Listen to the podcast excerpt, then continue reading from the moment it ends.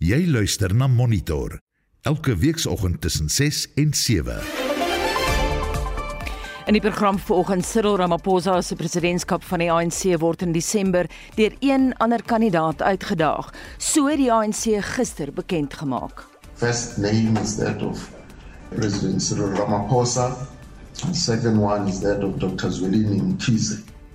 Die spooragentskap Prasa beskryf hulle langafstanddiens die Shozoloza Mail as in intensiewe sorg maar nog nie dood nie.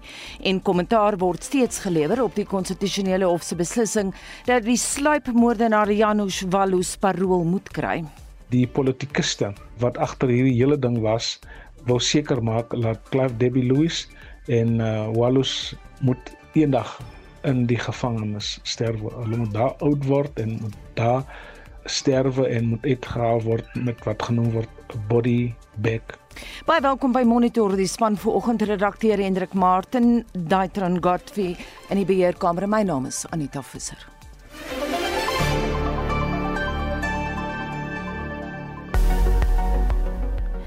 Nou vir die reisigers weer voorspelling soos uitgereik deur die Suid-Afrikaanse Weerdiens en ons begin met 'n waarskuwing.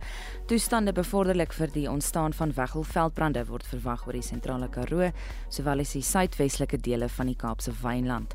Vandag se minimum en maksimum temperature: Pretoria 16:29, Johannesburg 13:27, Vereniging 15:28, Mbombela 19:28, Polokwane 16 met 'n maksimum van 29, Mahikeng 16:30, Vryburg 12:31, Bloemfontein 10:32, Kimberley 13 met 'n maksimum van 32, Appington 18:36, Kaapstad 15:21, George 13:25, Gqeberha 15:30, Oos-London 18:30 Durban 21:28 en dan Richards Bay 21 met 'n maksimum van 30 grade. Vir nog besonderhede kan jy die weerdiens se webblad besoek by www.weathersa.co.za.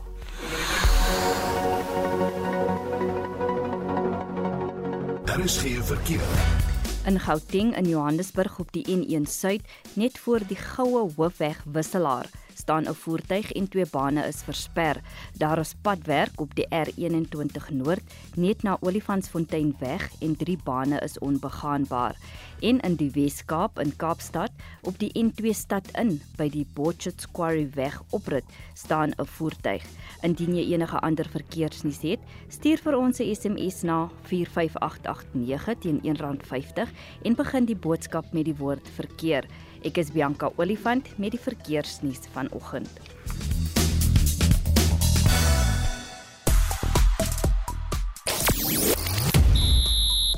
Later in die sport, Saudi-Arabië sorg vir een van die grootste opskuddings by 'n sokker wêreldbeker toernooi. Manchester United beëindig Cristiano Ronaldo se kontrak met onmiddellike effek. Evan Roos en Makazole Mapimpi in die bokke se begin 15-tal vir Saterdag se toets teen Engeland en die Proteas reken met Skotland af by die Diamant Liga reeks in Pretoria. Ek is Shaun Schuster vir RSG Sport. In sosiale media, die DA se prokureurs het aan die waarnemende kommissaris van korrektiewe dienste geskryf en dring daarop aan dat oud-president Jacob Zuma teen 5uur Vrydagmiddag terug is agter tralies. Meer hieroor onder die hitsmerk Zuma.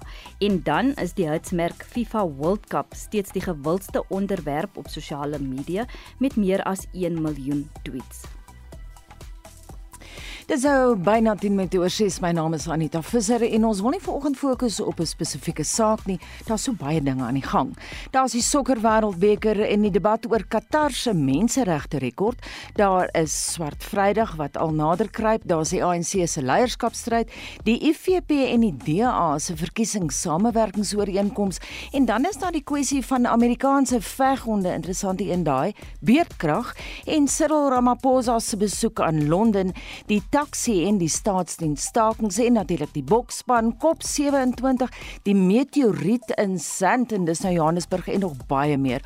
Ons wil vanoggend weet waarvan loop jou hart oor? Stuur 'n SMS na 45889. Onthou dit kos R1.50 of praat saam op Monitor en Spectrum se Facebook-blad of WhatsApp vir ons stemnota na 076 536 6961. Net weer daai nommer 076 536 6961. Monitor jou oggendnuusprogram op RSG. President Cyril Ramaphosa het aan Britse parlementslede gesê Suid-Afrika wil sy ekonomie meer oopstel vir beleggings. Die president het 'n gesamentlike sitting van die Britse parlement toegespreek. Ramaphosa, wat op 'n staatsbesoek aan Brittanje is, sê dit is wenslik om handelsbande tussen die twee lande te versterk. President Ramaphosa is gister amptelik deur koning Charles III tydens 'n seremonie by Buckingham Paleis verwelkom en vandag sal hy met die eerste minister Rishi Sunak vergader. Ramaphosa het op 'n sonnige maar koue Dinsdagmiddag by Buckingham Paleis aangekom saam met koning Charles III en koningin gemaal Camilla. Terwyl hy daar was, het hy verskeie items uit die koninklike versameling wat met Suid-Afrika verband hou besigtig, insluitend fotos van wyle koningin Elizabeth II se reis na Suid-Afrika in 1947 en verskeie geskenke wat president Mandela en Mbeki aan die koninklike familie gegee het.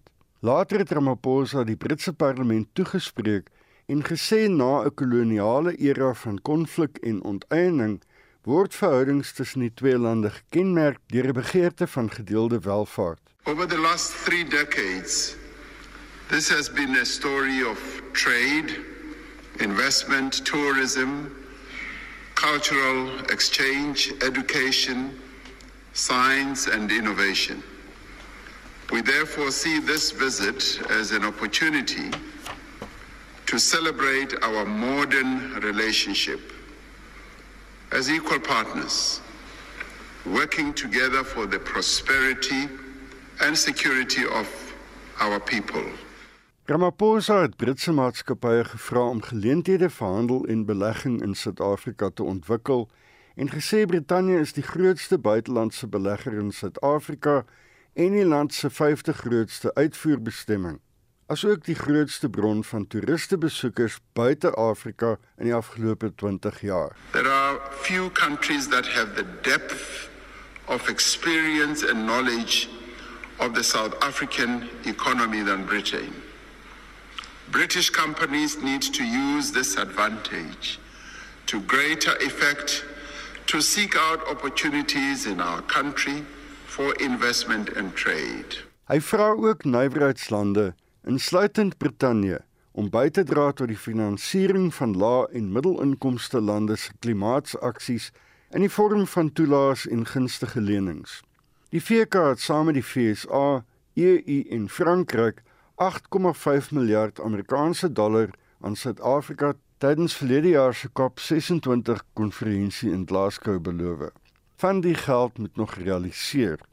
Ramaphosa sê die lande wat die minste verantwoordelik vir aardverwarming is, is die kwesbaarste vir die uitwerking daarvan in die vorm van droogte, oorstromings en stygende seevlakke. This places a responsibility on the more industrialized nations of the world to contribute substantial resources to low and medium income countries to fund their climate actions. And this should not be seen as charity.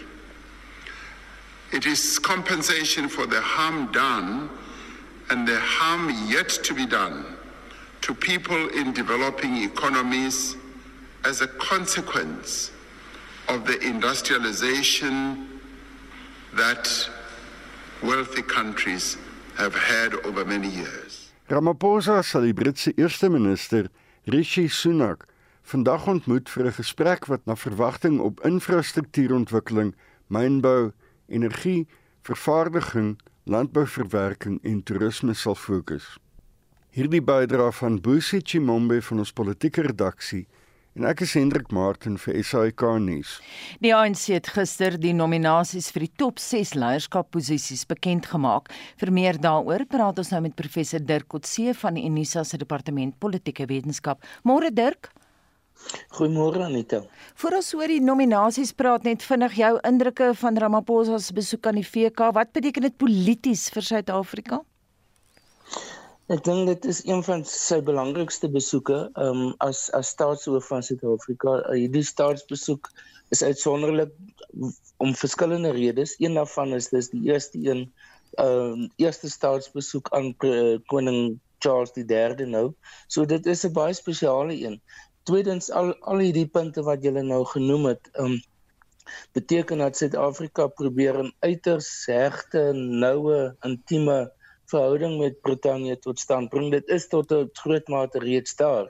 Maar president Ramaphosa komende van 'n persoon met die geskiedenis van die ANC as agtergrond, is dit eintlik iets heeltemal uitsonderlik dat daar dat hy praat van so 'n hegte verhouding en so naby samewerking tussen die twee lande. Dis natuurlik in 'n groot mate is dit op die ekonomiese verhouding geskoei. Die politieke verhouding het nie baie oor gepraat nie.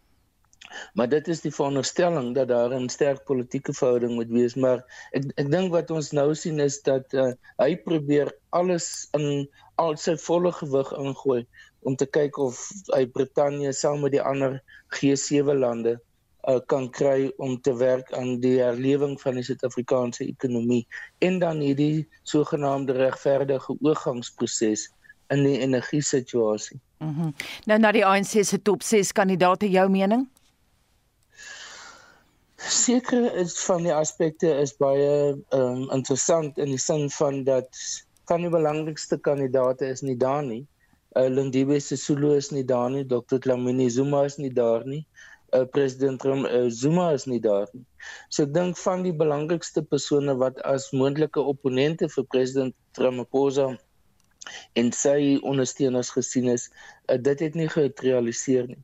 Tweedens as mens kyk na die die persone wat die meeste nominasies gekry het in die verskillende posisies van die top 10, uh, dit is 'n mengsel. Dit is nie net of president Ramaphosa se ondersteuners of van sy opponente nie dis baie dieselfde as wat die uitkoms uiteindelik die, die resultaat in 2017 was uh, wat sommige soos byvoorbeeld Ysma Besule het sekretaris-generaal geword en hy was nie aan die kant van president Ramaphosa nie. En dit lyk nou baie dieselfde. So mense kyk byvoorbeeld na die posisie van sekretaris-generaal uh, vir Kilian Balula was sy primêre ondersteuner gewees is is dit. En um, hy is maar derde op die lys en en nie die die die nommer 1 uh, die persoon wat die meeste nominasies gekry het vir president Ramaphosa self het hy oorweldigende meerderheid van nominasies. Ehm um, Willem Kiese is is eintlik nie werklike faktor in die verkiesingsproses vir die president nie. Baie dankie en daai mening kom van professor Dirk Kotse van Unisa se departement politieke wetenskap. Monitor jou oggendnuusprogram op RSG. Baie welkom by Monitor. My naam is Anita Visser. Die IFP en die DA het gister by 'n media-konferensie gesê hulle gaan saamwerk om die ANC in die 2024 nasionale en provinsiale verkiesing te ontroon. Die eerste slagveld vir die samewerking sal die tussenverkiesing in Wyk 99 in die eThekwini metro wees. Die DA sal nie 'n kandidaat vir die wijk beskikbaar stel nie. Die aankondiging deur die DA en IFP in KwaZulu-Natal is 'n poging om die regerende party se mag te laat krimp. Dis deel van 'n langer termynvisie om hulle samewerking voor die nasionale verkiesing in 2024 te begin bou. Wyk 99 is 'n jarelange vesting van die ANC. Die verkiesing kom na ANC raadslid Nkobi Molefe in September doodgeskiet is. Die wijk sluit om Komazi, Magabeni en Amahlongwa in. Die voorsitter van die IFP in KwaZulu-Natal, Tamsanka Ntuli, sê hy glo dat deur met die DA saam te werk, die party volgende maand 'n beter kans in die verkiesing staan. What we've started with the DA at a long time, especially here in eThekwini, if the opposition parties can uh, regroup again to say the numbers have been strengthened if uh, the outcomes would be uh, positive for the IFP, and then now we can take over at Tegwini. And it's an important journey, hence I mentioned that we know that in 2024 there will be provincial and national uh, government elections.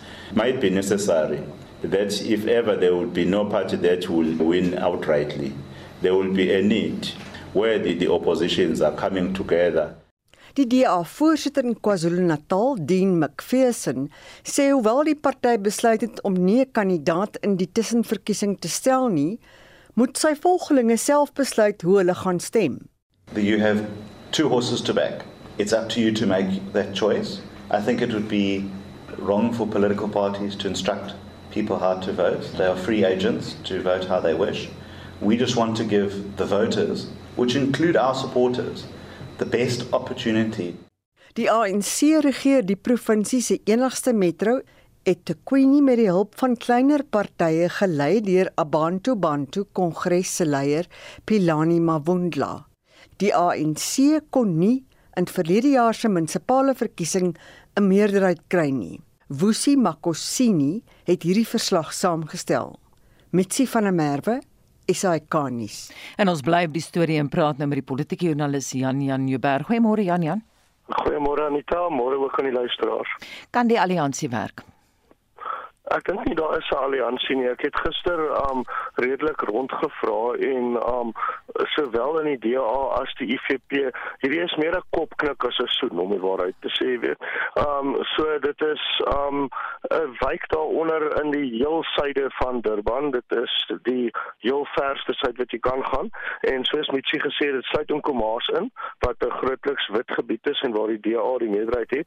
Dan is daar twee grootliks indeerwyke in Krugerburn en Naai Meadowo wat um pro Inkatha is en ses oorwegend Zulu sprekende swart wyke wat uh, die ANC die meerderheid in het.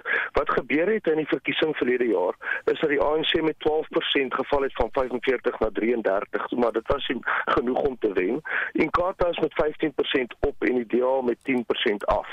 Boonop word verwag dat Inkatha sterk kandidaat daar gaan stel in mevrou Jane Naidu wat al baie baie jare lank die proporsionele raadslid daar is. Maar ek dink dit is baie belangrik om te luister na wat Dean McPherson gesê het. Hy het basies gesê hulle gaan nie vir hulle mense sê om vir Inkatha te stem nie.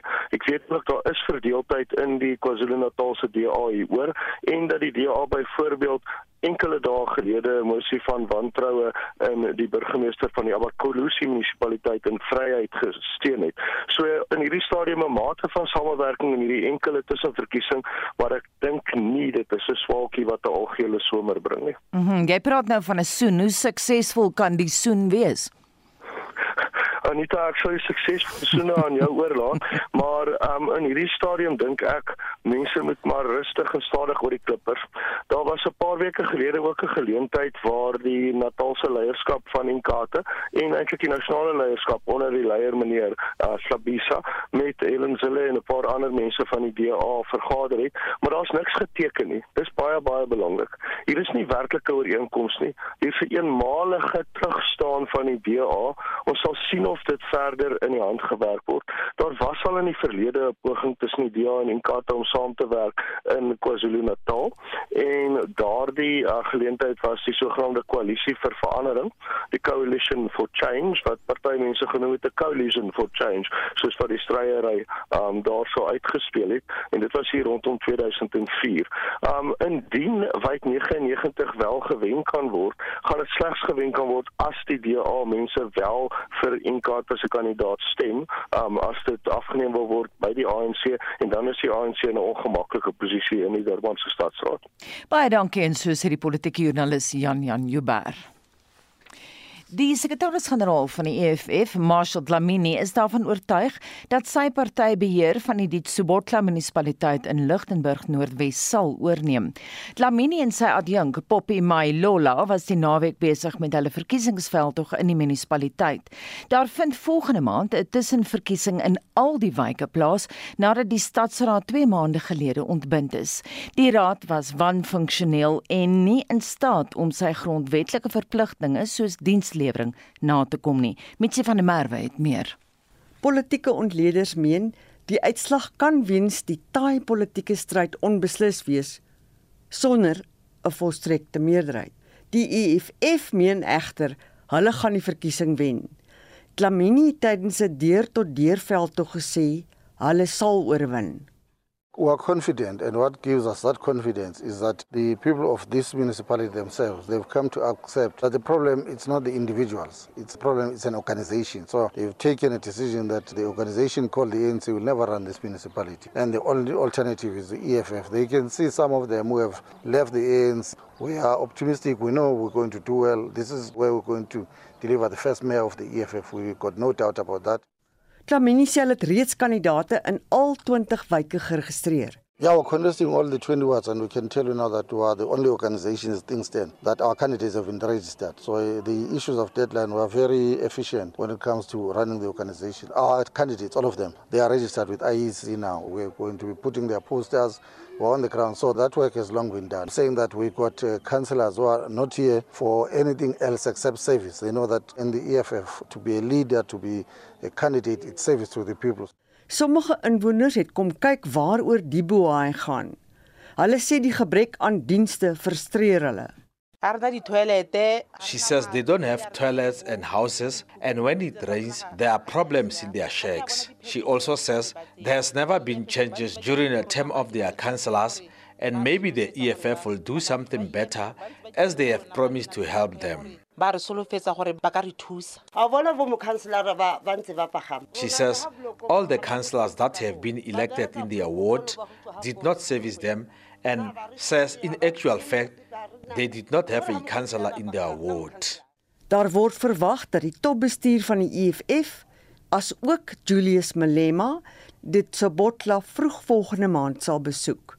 Patrick Dintwa het hierdie verslag in Lichtenburg saamgestel. Mitsi van der Merwe, SAK-nuus. Jy luister na Monitor. Elke weekoggend tussen 6 en 7. 6:30 die hoofnuus gebeure die DA en die IFP en KZN gaan kragte saamsnoer teen die ANC in die komende tussenverkiesing in Wyk 99 in eThekwini. Die pos het vakant geraak na die moord op 'n ANC raadslid in September. Die grensbestuursowerheid loods 'n breedvoerige plan om probleme by die land se grense en hawens oor die feestyd te bestuur. Dit behels om korrupsie vas te vat.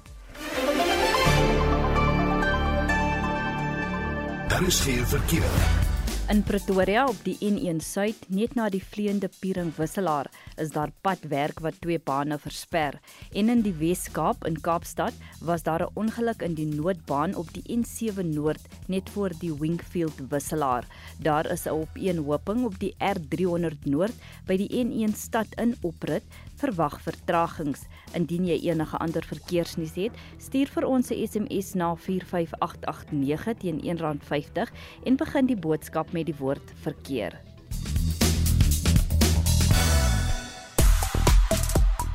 Nou 'n bietjie terugvoer van die luisteraars. Brandon van Rooyen skryf: Ek is 'n fanatiese bok ondersteuner, maar ek het een bekommernis. Damian Willem se op losskakel vir 'n losskakel om as 'n goeie bestendige losskakel gekenmerk te word, moet sy taktiese skoppe en korrelwerk paale toe 'n sukseskoers van 80% plus hê. Hy sê Damian is 'n goeie speler, maar hy het nie daai spelpyl nie. En dan oor Qatar en die Wêreldbeker sokker, Hanelie Rokka skryf die wette en reëls van 'n land soos die wat Qatar het, moet gerespekteer word want as jy in Rome is, ten minste buig hulle nie die reëls by al die afregse idees van die wêreld net om so sy dit stel punte te skoor nie. En dan oor Eskom en beerdkrag en dienslewering kwessies. Yuri Brand skryf met die feesseisoen op hande en die erg afwesige verkeersbeamptes in meeste provinsies sien ek donker dae saam met Eskom gestel daar. En dan Lydia Annandale sê ons daar wat so vuil en onversorg is, onkruid op sy paadjie staan, heuphoogte, stortingsterreine oorlopends te vol, vullis word op sy paadjies gestort en vlee en rotte teel aan. Intussen tyd beklei politieke partye oor wie nou eintlik in beheer van 'n spesifieke gebied is en geen dienste word gelewer nie. Jammer, ons weet nie van watter dorp af sy skryf nie. En dan uh, laasens oor die leierskapstryd. Jannie van Niekerk sê hier is 'n verkiesing aan die kom. Daar behoort nou al beperkings gestel te word oor wie as kandidaate mag staan. Enige mens wat hom aan haatspraak skuldig maak, al is dit nou kastig vir vryheid of namens vryheid van spraak behoort verbied en beboet te word. En hier verwys ek spesifiek na die rooi onderkorporaal Malema. Die kiesers moet self besluit vir wie hulle gaan stem. Nou ons wil vanoggend weet, laat weet vir ons waarvan loop jou hart oor en 'n SMS kan jy stuur na 45889. Onthou dit kos R1.50 of jy kan saampraat op Monitor en Spectrum se Facebook bladsy of WhatsApp WhatsApp vir ons stemnota na 076 536 6961. Ek herhaal daai nommer 076 536 6961.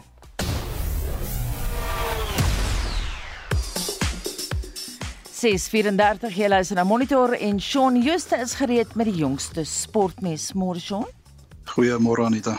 Saudi-Arabië se opskudding by die Wêreldbeker is op almal se lippe. Ek het nogal gekyk na daai wedstryd en Frankryk het maklik met die Aussies afgereken. Jou kommentaar.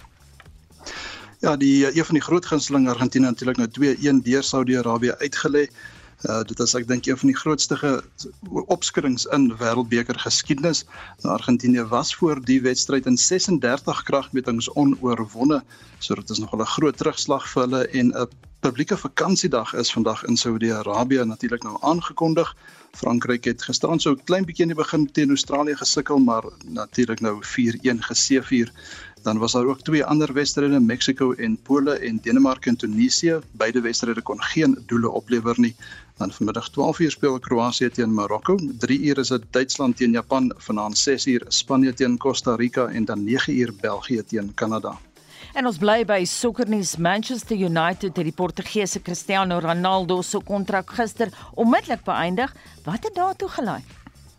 Ja, ek dink daar was hier openbare kritiek van Ronaldo se kant af. Hy het uh, net voor die begin van die Wêreldbeker toernooi in 'n uh, onderhoud gesê hy voel verraai deur die klub en dat hy absoluut geen respek vir die breier Erik ten Hag het nie en hy voel ook dat van sy spanmaats van hom wou ontslaa raak.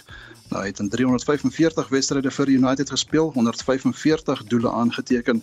En dan net ook 'n bietjie interessant in is die Glazer familie wat natuurlik nie baie populêr is met die United ondersteuners nie, het aangekondig dat hulle oorweeg om die klub te verkoop.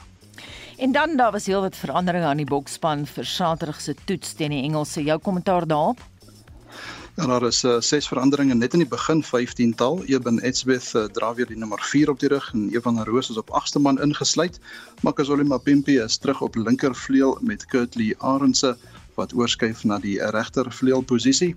Jesse Kriel draf op buitesenter uit en Damian Dalende is weer die binnesenter. Dan op die plaasvervangersbank is Thomas de Toey, Marco van Staden, Jaden Hendricks en Kevin Moody ook ingesluit. So dink is 'n baie sterk span uh vir al die plaasvervangersbank blyk baie goed en Saterdag se toets skop die aand half 8 Suid-Afrikaanse tyd daarop Twickenham af.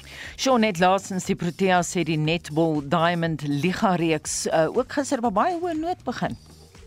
Ja, die eerste wedstryd van die leeg van die reeks teen Skotland met 61-42 gewen nadat hulle rustyd 27-18 voor was en dan het Zimbabwe 55-50 teen die Suid-Afrikaanse president se elftal vasgeval.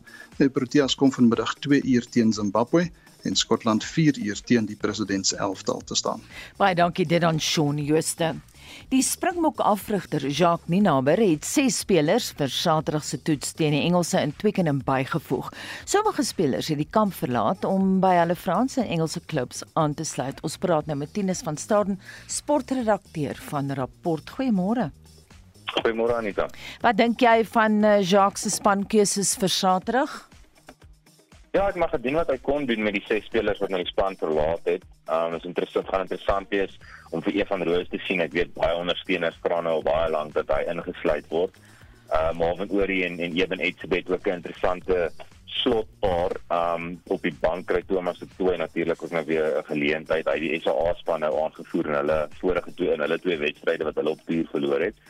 Jaden Hendricks is interessant geweest die laaste paar weke dat vas die klerk kom nou weer verbygesteek het in die in die in die in die rangorde want vroeër jaar was uit hulle gedink Jaden Hendricks se raak nou die nommer 1 skramskakel maar dit vas net weer gewys verstaan jy kan nie ervaring net sommer weggooi nie. Ehm um, maar Kazole maar Pimpi kry weer 'n kans om te wys dat hy nog steeds die nommer 1 linkerveld moet wees. Skiet, uh, Gertly Orange het natuurlik baie goed gespeel saam met Cheslin Colby en Willie Leroux in die agterste driehoek teen Frankryk en Italië. Just of vir vir Makazole 'n goeie geleentheid wees om ook weer te wys. Verstaan dat mense nie sommer van hom moet vergeet nie. Sê vir my uh, die ses spelers wat ons uit die Bokke se A-span insluit, dink jy hulle is gereed om 'n span soos die Engelse aan te pak? Kyk, 'n speler soos Thomas de Tooy is eintlik verstaan daar's nie veel te kies tussen hom en iemand soos Vincent Koch wat hy vervang nie. Hulle met Marco van Staden, hy het verlede jaar was hy 'n 'n gereelde lid van die Springbok span gewees. So vers ek ek glo nie dit is dit sal vir hulle 'n probleem wees nie. Evan Roos, dit gaan vir hom natuurlik maar groot vuurdoop wees. Hy's 'n bietjie van 'n ander tipe speler as Jasper Wiese. Hy is hy's 'n meer hy's 'n speler met die X-faktor hy laat dinge gebeur terwyl Jasper Wiese is 'n baie baie sterk baldraer. Ehm um, die Springbok is eintlik geseën met drie verskillende agste mans op die oomblik met die mans soos uh, soos Dwayne Vermeulen ook daar wat baie goed op die grond is. So gaan interessant wees om te sien wie van Roos gaan. Ek dink die groot vraagteken is maar rondom hom hoe hy teen die teen die Rose gaan speel. Ehm um, maar ja, nee, ek dink nie al sal 'n probleem wees met iemand soos Thomas Tooi en en Mark van Staden wat van die plaasvervangersbank afkom nie. Baie dankie en so sê Tinus van Staden hy is sportredakteur by Rapport. Jy luister na Monitor. Elke week saggend tussen 6 en 7. Europa is bekommerd omdat die kernaanleg in Zaporizhia in Oekraïne toenemend deur aanvalle geteiken word. Trouwens, die VN se internasionale atoomenergieagentskap waarsku dat daar met vuur gespeel word terwyl Rusland en Oekraïne mekaar blameer. En ons praat nou met die politieke wetenskaplike van Unisa, professor Johansi van Wyk. Goeiemôre Johansi. Hallo Anita. Baie lekker om weer met jou te praat na 'n lang tyd. Wat dink jy sal gebeur as die kernaanleg deur 'n aanval getref word? Kyk, ons weet al dat die ehm um, aanleg by Zaporizhia is 'n paar keer al getref.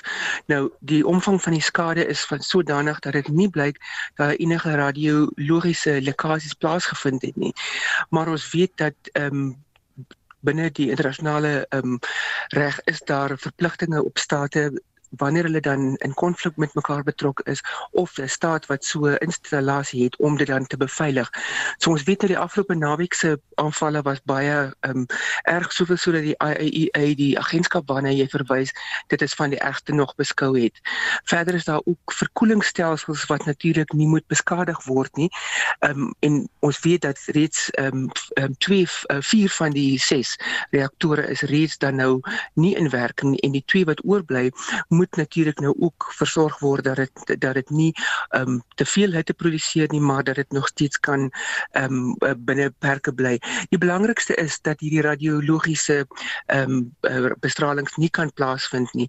Nou die IAEA e het wel syfers um, gepubliseer dat dit nog binne perke is, maar dit het tog ook sy kommer uitgespreek op die verslag wat dit maandag uitgebring het waar dit gesê het dat die vlakke van cesium ehm um, sowel as plutonium in Iran ehm um, binne perke is, maar die punt is net dit is nog steeds bestraling wat in die omgewing en in die atmosfeer uitgelaat word. Ons moet ook onthou dat buiten Zaporizhia is daar ook vier ander um, installasies, kerninstallasies wat natuurlik ook die aandag geniet. Chernobyl weet ons is is natuurlik ook al deur die Russe weer beset um, hmm. en dit dit is natuurlik nog steeds ook 'n radiologiese installasie wat die Russe hulle self dan nou baie blootgestel het in daardie gebied.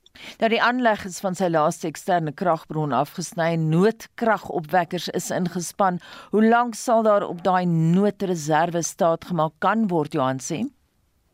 Dit natuurlik sal die of het die agentskap nie in sy jongste verslag daar is omtrent 130 sedert uh, Maart vanjaar uitgereik is daar aangedui wat die omvang van sy kragbron afhanklikheid is nie. Daar is wel dan nou diesel um, um, kragopwekkers ook, maar ons weet dat die probleem daarmee is die vervoer en beskikbaarheid dan nou um, wat dan moet beskikbaar wees aan Zaporizhia. Nou omdat die Russe nou aanvanklik of aansienlik verder oos uit beweeg het, is dit natuurlik nou baie makliker vermoedelik om van die weste dan nou die um, elektrisiteit um, en diesel te voorsien. Maar ons weet dan ook dat hierdie um, aanleg lê teen die Dnieperrivier en die um, die integriteit van die damme in die Dnieperrivier is natuurlik ook van groot belang vir die verkoeling van hierdie kragsentrale. Johan sê die internasionale atoomenergieagentskap het die jongste aanvalle as malligheid beskryf. Sterk woord om te gebruik. Dink jy die agentskap kan tussen beide tree? Ja, kyk die agentskap het al vir 'n paar maande het hulle al personeel wat in die fasiliteit teenwoordig is wat dan letterlik daar bly saam met die um, paar van die um, mense van Ener Atom Atom wat werk vir die um, um, kragsentrale in die Oekraïense staat dan. Maar hierdie vier individue word natuurlik nou nie heeltemal vertrou nie in die sin dat hulle kan nie noodwendig oral beweeg nie. Daar's landmyne wat rondom die fasiliteit geplant is um, en dit sommige van die werkers van die ehm um, Zaporizhia het poog natuurlik nou om van hierdie skade reg te maak, maar hulle het natuurlik ook nie alle toerusting om dit te kan doen nie. So Rossi, die uh, sekretaris-generaal van die IAEA e het aansienlike pogings al aangewend dat daar tipe van 'n eksklusiewe sone um, rondom die uh, kragsentrale aangebring moet word wat natuurlik nou nog nie gehelp het nie um, want hoewel hy reeds in gesprek was met president Putin um, Putin stel nie belang daarin nie um, en ehm um, Zelensky stel natuurlik daarin belang maar die probleem is dat die Russe het ook heelwat wapens al inbeweeg binne daardie area wat dan nou onder die ehm um, jurisdiksie van die uh, kragsentrale beland en daar is ook vermoedelik heelwat toerusting al weggeneem daar. 'n Ander uh, gevaar is natuurlik die wat word van die kernafval wat daar is en dit word tipies nie op die ehm um, terrein gestoor nie en dit moet natuurlik ook elders uh, ges, uh, ges, vervoer word. So daar is 'n poging aan die aan die ehm um, internasionale energieagentskap se kant om hierdie eksklusiewe sone dan um, te vestig, maar dit lyk my in hierdie stadium is dit nog nog nie heeltemal ehm um, by die punt waar die onderhandelinge dit kan regkry nie. Baie dankie en so sê die politieke wetenskaplike professor Johansi van Wyk en sy is verbonde aan die departement politieke wetenskap by Unisa. Ons bly by internasionale nuusgebeure, maar ons beweeg nou oos. Reddingswerkers in Indonesië het vir 'n tweede aand deur die nag gewerk om oorlewendes van die rampspoedige aardbewing in Wes-Java op te spoor. Dramatiese storie. Daar Jamari, wat is die jongste? Anita, die dodetal staan op 268 met meer as 150 mense wat steeds vermis is. Meer as 1000 mense is beseer. Die aardbewing met 'n sterkte van 5,6 het gelei tot modderstortings en die ineenstorting van geboue. Meer as 20000 huise is beskadig en sowat 58000 mense is dakloos gelaat. Die BBC verslaggewer Waldia Baraputi het meer besonderhede. One of the reasons why there's very difficult to rescue for the evacuation team is because the terrain of the location it's on a mountain slopes and with the earthquake also came um, landslides and so a lot of the area is now isolated.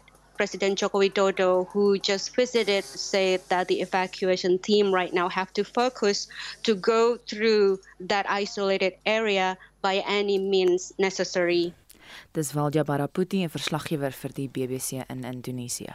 Die Amerikaanse Hooggeregshof het die vrystelling van die voormalige president Donald Trump se belastingopgawes goedgekeur. Ja, Trump en die demokraties beheerde huis van verteenwoordigers stamp al vir langer as 3 jaar kop oor die kwessie. Die Hooggeregshof se bevel is 'n slag vir Trump. Hy was die eerste Amerikaanse president in 40 jaar om nie sy belastingopgawes openbaar te maak nie. The Supreme Court has now finally cleared the release of the documents, just weeks before Republicans are set to retake control of the House. Mr. Trump has fought hard to keep secret the details of his wealth, although a Manhattan court previously obtained copies of his tax returns as part of a criminal investigation. He faces many other legal battles, including two inquiries by the Department of Justice. Last week, the Attorney General appointed a special counsel to oversee those, after Mr. Trump announced he planned to run again for president. So berig die BBC se Barbara Plett Usher.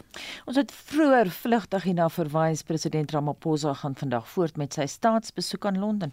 Dis reg, Ramaphosa het gister die eerste wêreldleier geword wat op amptbesoek deur koning Charles ontvang is. Hy het in die Laarhuis van die Britse parlement gesê dat die verhouding tussen Suid-Afrika en Brittanje oor 'n tydperk baie verander het. Volgens hom is sy besoek 'n geleentheid om die moderne verhouding tussen die twee lande te vier.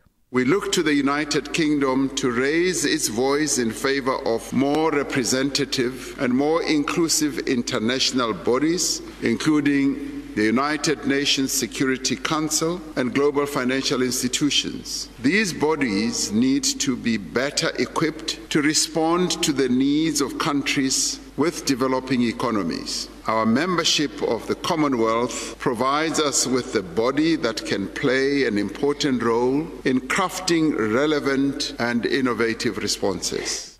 En dis die stem van president Cyril Ramaphosa. Hy sal vandag met die nuwe Britse eerste minister, Rishi Sunak, samesprekings voer. En dit was John Marie met 'n oorsig van internasionale nuusgebeure.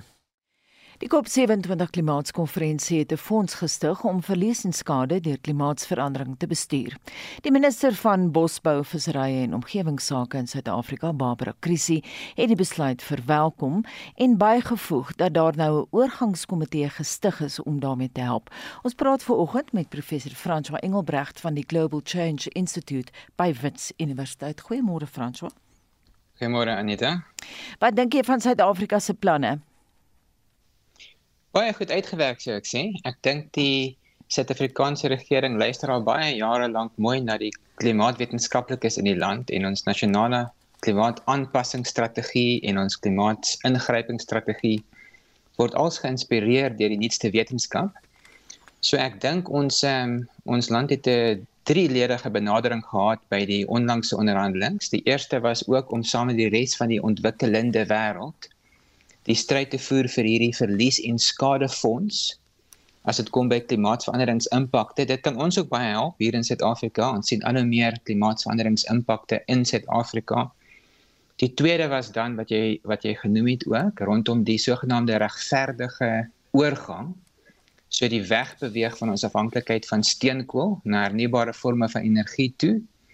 En ons derde groot besprekingspunt by die konferensies was rondom klimaatsveranderingsaanpassing. So hoe raak ons meer weerstandig of minder kwesbaar as dit kom by toekomstige impakte van ekstreme weergebeurtenisse.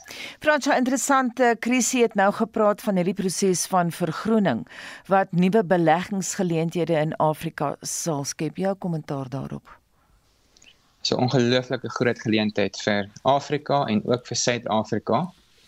Ons het nou reeds gesien verlede jaar by die onderhandelings is die aankondiging aankondiging gemaak van die 8.5 miljard Amerikaanse dollar investering in die Suid-Afrikaanse ekonomie om hierdie oorgang te maak na groen forme van energie toe. Ons het meer konkrete details gesien van hoe dit gaan werk by die afgelope onderhandelings.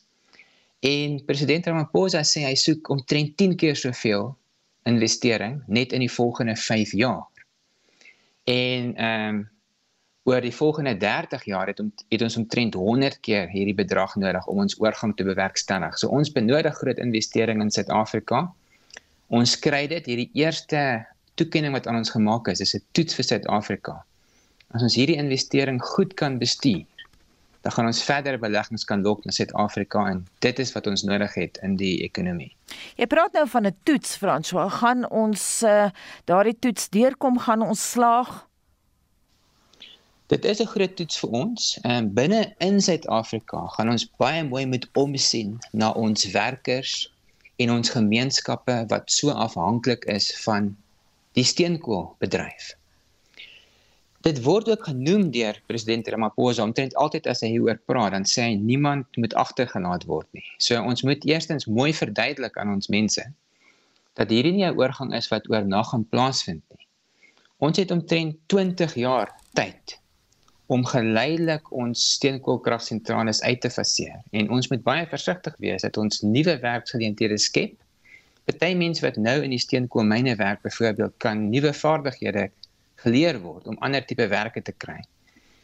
Maar die grootste punt is dat ons baie meer werk kan skep in die ekonomie as ons die ekonomie aan die groei kry met behulp van hierdie investering.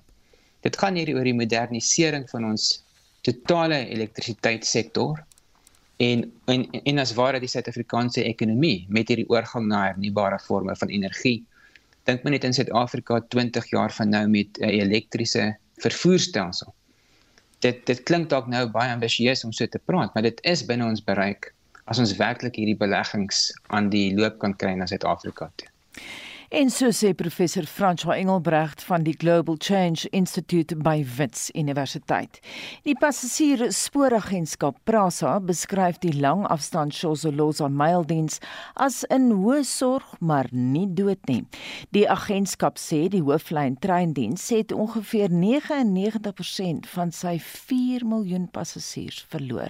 Die agentskap het die parlement se portefeulje komitee oor vervoer oor sy herstelplan vir sy Suid-Afrika ingelig.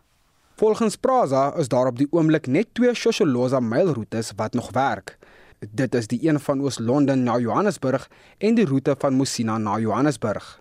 Maar Prasa sê selfs werkende roetes is deurtrek van uitdagings soos lang vertragings en verouderde lokomotiewe.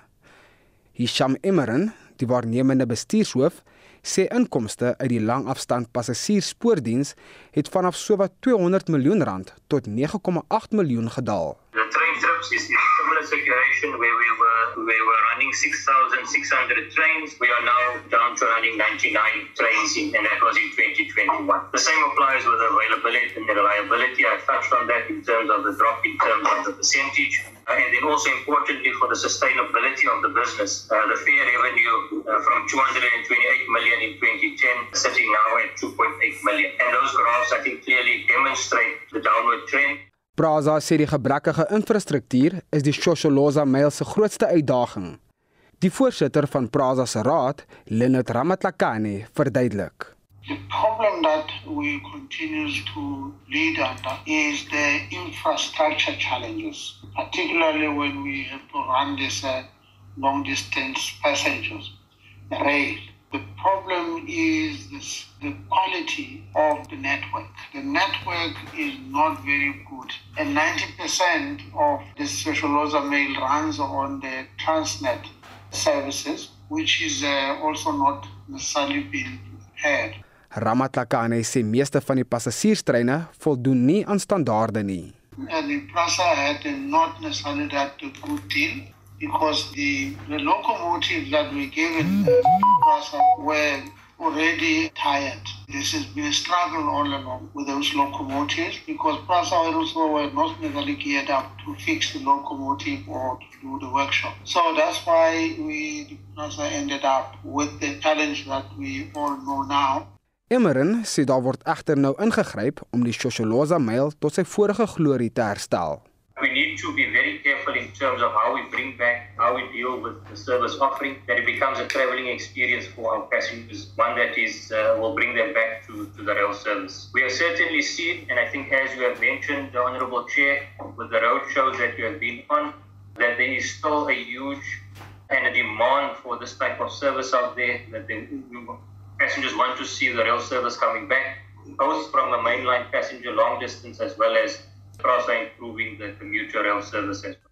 Dit was die waarnemende bestuurshoof van Prasa, Hisham Emeren, wat daardie bydrae van Abongwe Kobokana in die parlement afgesluit het. Ek is Vincent Mufokeng vir SAIK nuus.